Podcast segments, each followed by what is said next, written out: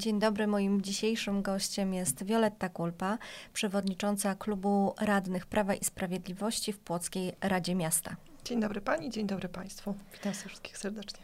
Pani Wioleto, przeglądając odpowiedzi na Pani ostatnie interpelacje, zauważyłam, że Urząd Miasta Płocka e, stosuje taką formułkę stałą. Ja pozwolę ją sobie przeczytać. Mm. Rzeczywiście jest ciekawa. Niestety, decyzje podejmowane przez obecny rząd bardzo negatywnie oddziałują na kondycję finansową samorządów ograniczenie dochodów własnych i uzależnianie od dotacji celowych przekazywanych z budżetu państwa, często po uważaniu, powoduje, że wspólnotom lokalnym trudniej jest realizować potrzebne przedsięwzięcia. W budżecie Płocka z powodu polityki rządu PiS mamy od kilku lat o kilkadziesiąt milionów złotych mniej. W konsekwencji niektóre zadania musimy rozłożyć w realizacji na kolejne lata. Co jest charakterystyczne, ta formułka pojawia się w odpowiedziach na przeróżne Pani e, pytania. E, co sądzi Pani o takim przytyku Urzędu Miasta e, i takiej odpowiedzi? Znaczy myślę, że to przede wszystkim jest słabość. Słabość prezydenta, słabość tych urzędników w ratuszu, którzy ewentualnie, nie wiem, być może pan prezydent sam jest autorem tak znakomitej myśli, ale pewnie być może odpowiedzi miał ze strony urzędników bądź wiceprezydentów. Natomiast no, żałuję, że takich odpowiedzi nie miałam, kiedy rządziła koalicja Platformy i PSL-u, kiedy to szalały w Polsce mafie paliwowe i mafie VAT-owskie, bo chyba wtedy samorządy zdecydowanie mniej dostawały pieniędzy. Natomiast pan prezydent zapomina o tym, że dostał w tamtym roku pieniądze na remont Łukasiewicza 30 milionów. No, nie byłoby pewnie tego remontu, gdyby nie to zasilenie z budżetu państwa. Nie byłoby remontu Kościuszki pewnie, bo 5 milionów popłynęło właśnie z budżetu państwa, e, podobnie z batalionów chłopskich, aczkolwiek tutaj cały czas borykamy się z problemem, że no, ktoś robi remont, a nie myśli o sytuacji e, logistycznej mhm. mieszkańców w tym zakresie parkingowej czy inne oczywiście ulice kolejowa, chociażby remont mostu y, Marszałka Piłsudskiego. No, mamy mnóstwo tych środków finansowych, które trafiały. Y, nowa uliczka, chociażby niedaleko ulicy y, Żyznej, Wandy Chrostowskiej. To są konkretne, namacalne środki finansowe, które widać, ponieważ realizowane są w tej chwili inwestycje w całym mieście. Zresztą słyszę też głosy mieszkańców, którzy narzekają na to, że mm, jest mnóstwo tych remontów, że to tak naprawdę paraliżuje miasto miasto, ale no, siłą rzeczy no, trzeba jeszcze planować z głową te remonty po to, żeby nie utrudniać życia mieszkańców, żeby rzeczywiście, oczywiście zdaję sobie sprawę, że każda inwestycja na początku niesie ze sobą pewne utrudnienia, a później oczywiście możemy z tego korzystać. Natomiast cały czas są uwagi mieszkańców Płocka i nie tylko Płocka, że u nas w Płocku zdecydowanie te remonty jakoś strasznie długo się e, przedłużają, czyli chociażby ta nieszczęsna spółdzielcza, czy inne ulice w Płocku, które które no wydawałoby się, czy batalionów nawet chłopskich, o których rozmawiamy, że te 10-11 miesięcy to naprawdę jest bardzo duży, długi odcinek czasu, żeby wykonać e, tak, tak krótkie niezbyt długą ulicę. E, no oczywiście rozumiem te e, potrójne czy podwójne postępowania przetargowe, tak jak cały czas no, martwiliśmy się, że nie, nie będzie rozstrzygnięty ten przetarg na realizację tego fragmentu tej ulicy, tej odnogi ulicy Zbożowej, która stanowi niejaki taki skrót na osiedle Podolszyce od obwodnicy, w cudzysłowie. E, natomiast e, no rzeczywiście jest to problem, tak? E, że chyba nie do końca pan prezydent rozumie jakby rozdział działań administracji samorządowej od działań administracji rządowej. Rząd nie jest od tego, żeby realizować prezydentowi inwestycje, on jest gospodarzem na tym terenie i on powinien planować e, tak środki finansowe, a sam się chwali tym ponad miliardowym budżetem, bo to przecież od trzech lat został wprowadzony w naszym mieście ponad miliardowy budżet. Teraz mamy miliard pięćset tysięcy, miliard pięćset milionów, przepraszam. Czyli jest to rzeczywiście ogrom środków, które również płyną z administracji rządowej, czyli to są podatki w formie PIT-u, CIT-u, innych środków finansowych, chociażby od tych, o których powiedziałam przed chwileczką, dofinansowania do inwestycji samorządowych. I cieszę się, że te środki wpływają, bo rzeczywiście mamy możliwość realizowania z takim rozmachem tych inwestycji, bo tak jak podkreślałam, no nie moglibyśmy pewnie ich zacząć w ogóle, gdyby nie te pieniążki. Natomiast powiem tylko taką anegdotę. Oczywiście już się przyzwyczaiłam do tych złośliwości, ale powiem szczerze, że to trochę świadczy o samym gospodarzu miasta Płocka.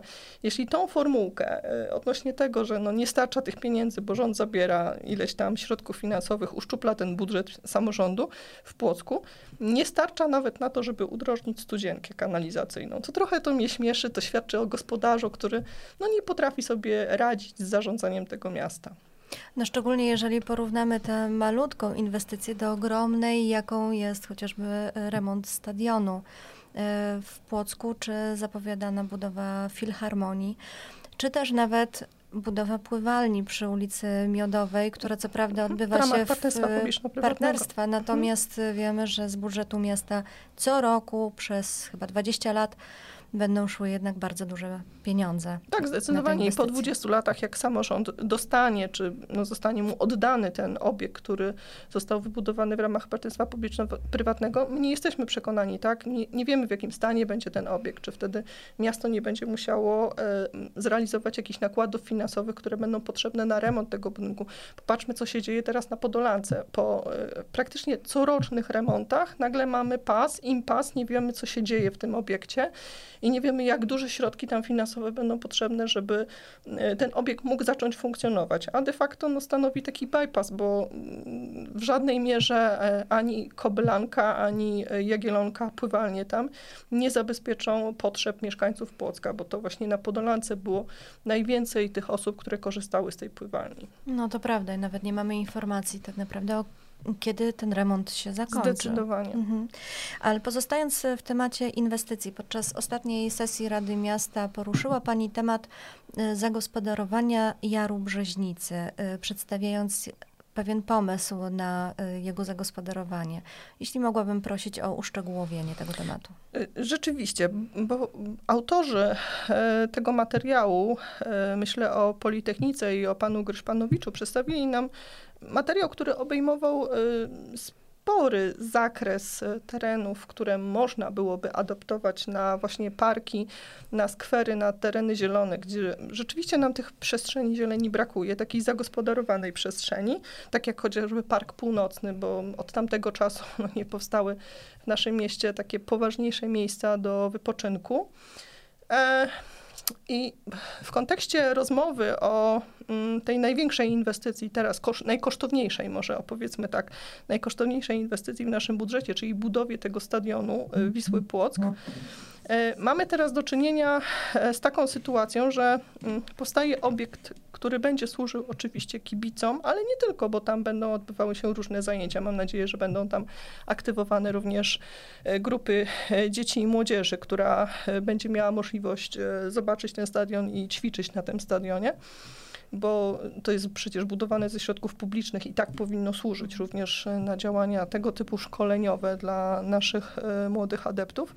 Natomiast e, wokół tego stadionu jest przepiękny jar Brzeźnicy, który, któremu e, brakuje w moim przekonaniu lekkiego liftingu w cudzysłowiu, który by spowodował, że mogłyby powstać naturalne ścieżki, ja pokażę y, do tej kamery mhm. chyba, tak? Y, naturalne ścieżki y, do biegania, do uprawiania sportów, które mm, mogłyby, mogłyby w jakiś sposób aktywizować mieszkańców Płocka pod kątem właśnie takich wysiłków sportowych. Nie chodzi o to, żeby wycinać drzewa. To są gdzieś montowane ścieżki żwirowe. Miałam też takie y, zdjęcia, w których widziałam również elementy drewniane, na przykład jakieś kładki, mhm. Które gdzieś zostały w takie tereny właśnie dzikie, y, bo w żadnej ingerencji w przyrodę nie było w tym zakresie. Ale chodzi o to, żeby ten teren nie był tylko do tego, zresztą jak y, Państwo będą mieli okazję wejść na teren stadionu, no to zobaczą, że tam są furtki zrobione y, wyjściowe z ogrodzenia stadionu właśnie do Jaru Brzeźnicy.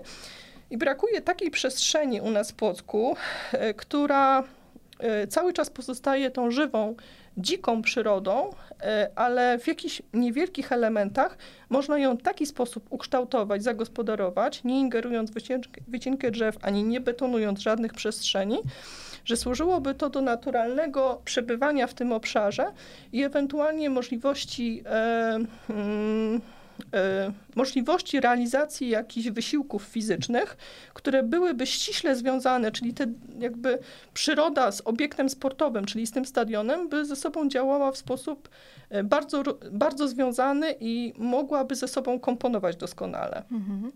Bo obiekt sam, sam, sam w sobie jest oczywiście ładny, mówię o stadionie oczywiście, ale dajmy szansę nie muszę tu się wspomóc, bo powiem szczerze, nie wykorzystując jakieś e, dziwne techniki PR-owe, typu, nie wiem, sprowadzenia do Płocka firmy, która w 2015 roku zaproponowała nam rozwiązanie, że w Jarze Brzeźnicy mają się znaleźć jakieś domki hobbitów. No właśnie, bo to jest projekt, którego wizualizacje wisiało, ile dobrze pamiętam, w okresie kampanii wyborczej przez kilka miesięcy nawet w Galerii Wisła e, Płockiej. To był e, projekt e, promowany przez obecnego prezydenta Płocka, że Holendrzy zainwestują ogromne pieniądze w Jar Brzeźnicy i wybudują tam domki hobbitów, y, jakieś miejsca y, na y, sklepy z pamiątkami i między innymi właśnie ścieżki dla biegaczy, dla rowerzystów do uprawiania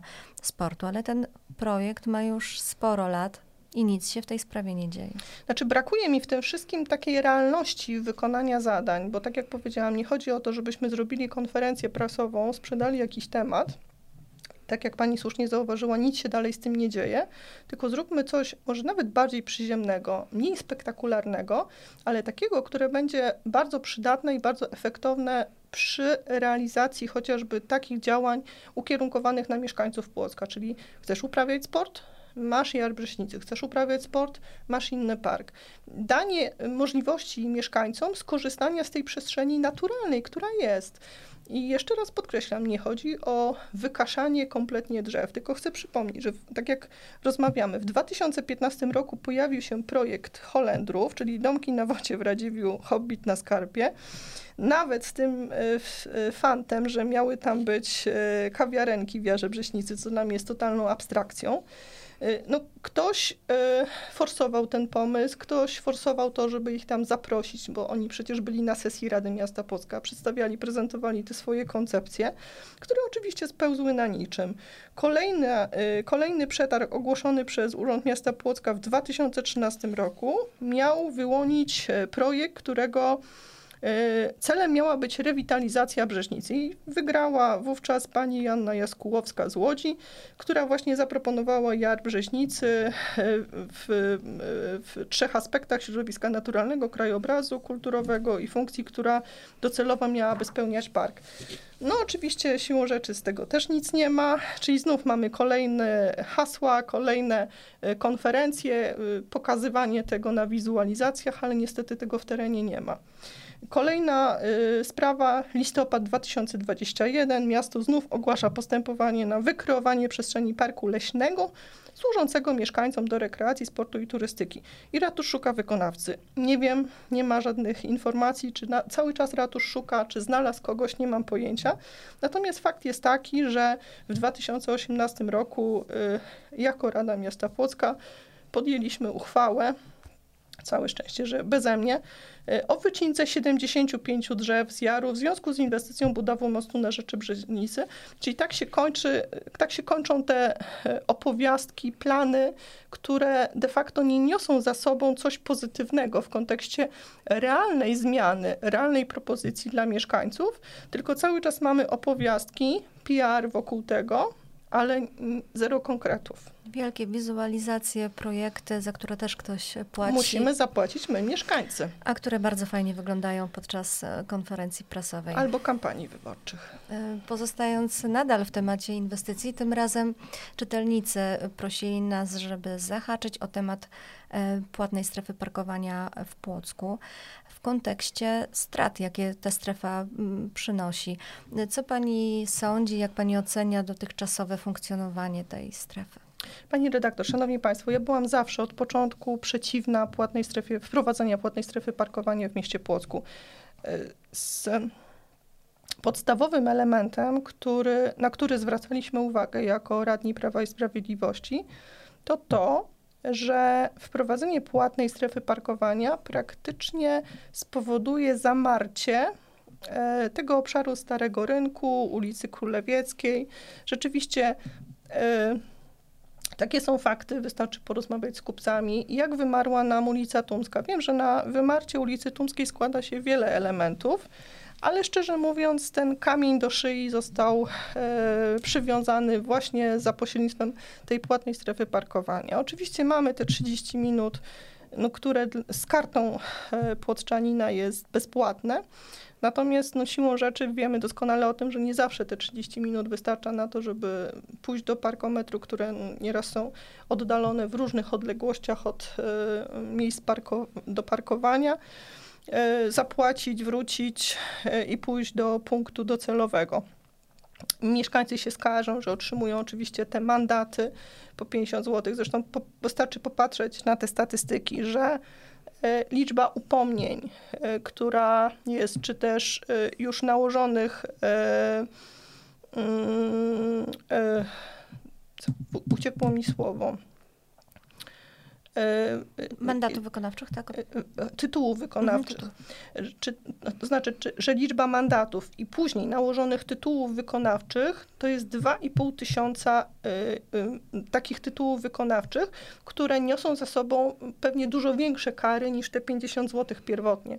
Ja nie jestem w stanie stwierdzić, dlaczego to tak długo trwa, dlaczego y, ta ściągalność jest E, aż tak długoterminowa. Nie wiem, jak, jak wygląda to czasowo, bo też trzeba byłoby popatrzeć ewentualnie na statystyki, jak e, Jakie są e, statystycznie najdłuższe terminy pozyskiwania tych środków z tytułu tych wystawionych kar, mandatów? Natomiast no, obnażenie tak na dobrą sprawę finansowania tej płatnej strefy parkowania jest proste. Ona na siebie nie zarabia nawet nie, nie tyle nie zarabia na siebie, nie wychodzi na zero. Niestety mieszkańcy do niej dokładają. E, w tej materiale ostatnim, który został przedstawiony na sesję mm, w grudniu tamtego roku, to była przedstawio był przedstawiony okres od e, października 21 do października 22. Dopłacamy w tym okresie 100 tysięcy złotych. Czyli siłą rzeczy, mimo że mieszkaniec nie korzysta z samochodu, nie jeździ tam w to miejsce, gdzie musi opłacić e, bilet, musi za to zapłacić, bo te pieniądze no, idą z budżetu miasta Płocka, czyli 100 tysięcy złotych jest wypłacone z budżetu miasta. Czyli za te 100 tysięcy moglibyśmy zrobić, nie wiem, coś, x działań, które moglibyśmy podjąć, ale nie możemy, bo 100 tysięcy złotych y, przekazujemy tytułem do, dopłaty do płatnej strefy parkowania. Czy jak panu prezydentowi brakuje na udrożnienie studzienki kanalizacyjnej, to może sobie te 100 tysięcy wziąć. Może zlikwidować płatną strefę parkowania i będzie szczęśliwy. Niestety y, y, mam nadzieję, że y, nasi włodarze nie pójdą w tą stronę, że będą chcieli rozszerzyć tą płatną strefę parkowania, bo to byłby już dramat, bo mamy jeszcze inne lokalizacje, inne ulice, które są niedaleko właśnie Starego Miasta i tych ulic, które bezpośrednio dotyczy płatna strefa parkowania, że to też będzie później służyło negatywnie, miało oddziaływanie negatywne chociażby na punkty sprzedażowe, na sklepy, które tam się znajdują. Tym bardziej, że jak wspominają nasi czytelnicy, strefa płatnego parkowania wcale nie oznacza strefy komfortowego parkowania, bo te miejsca parkingowe są wyznaczone jednak e, w taki sposób, że czasami jest im trudno podjechać nawet e, pod krawężnik drogi lub są wyznaczone e, zbyt małe miejsca na zaparkowanie przeciętnej wielkości samochodu osobowego. Być może więc władze naszego miasta powinny faktycznie zastanowić się, nad tym, czy utrzymywanie tej strefy parkowania jest sensowne? Na pewno postarać się przynajmniej racjonalnie porozmawiać, a nie z samej zasady twierdzić, że ktoś nie ma racji. Dziękuję bardzo. Moim gościem była dzisiaj pani Wioletta Kulpa. Dziękuję pani, dziękuję pani, państwu za wysłuchanie.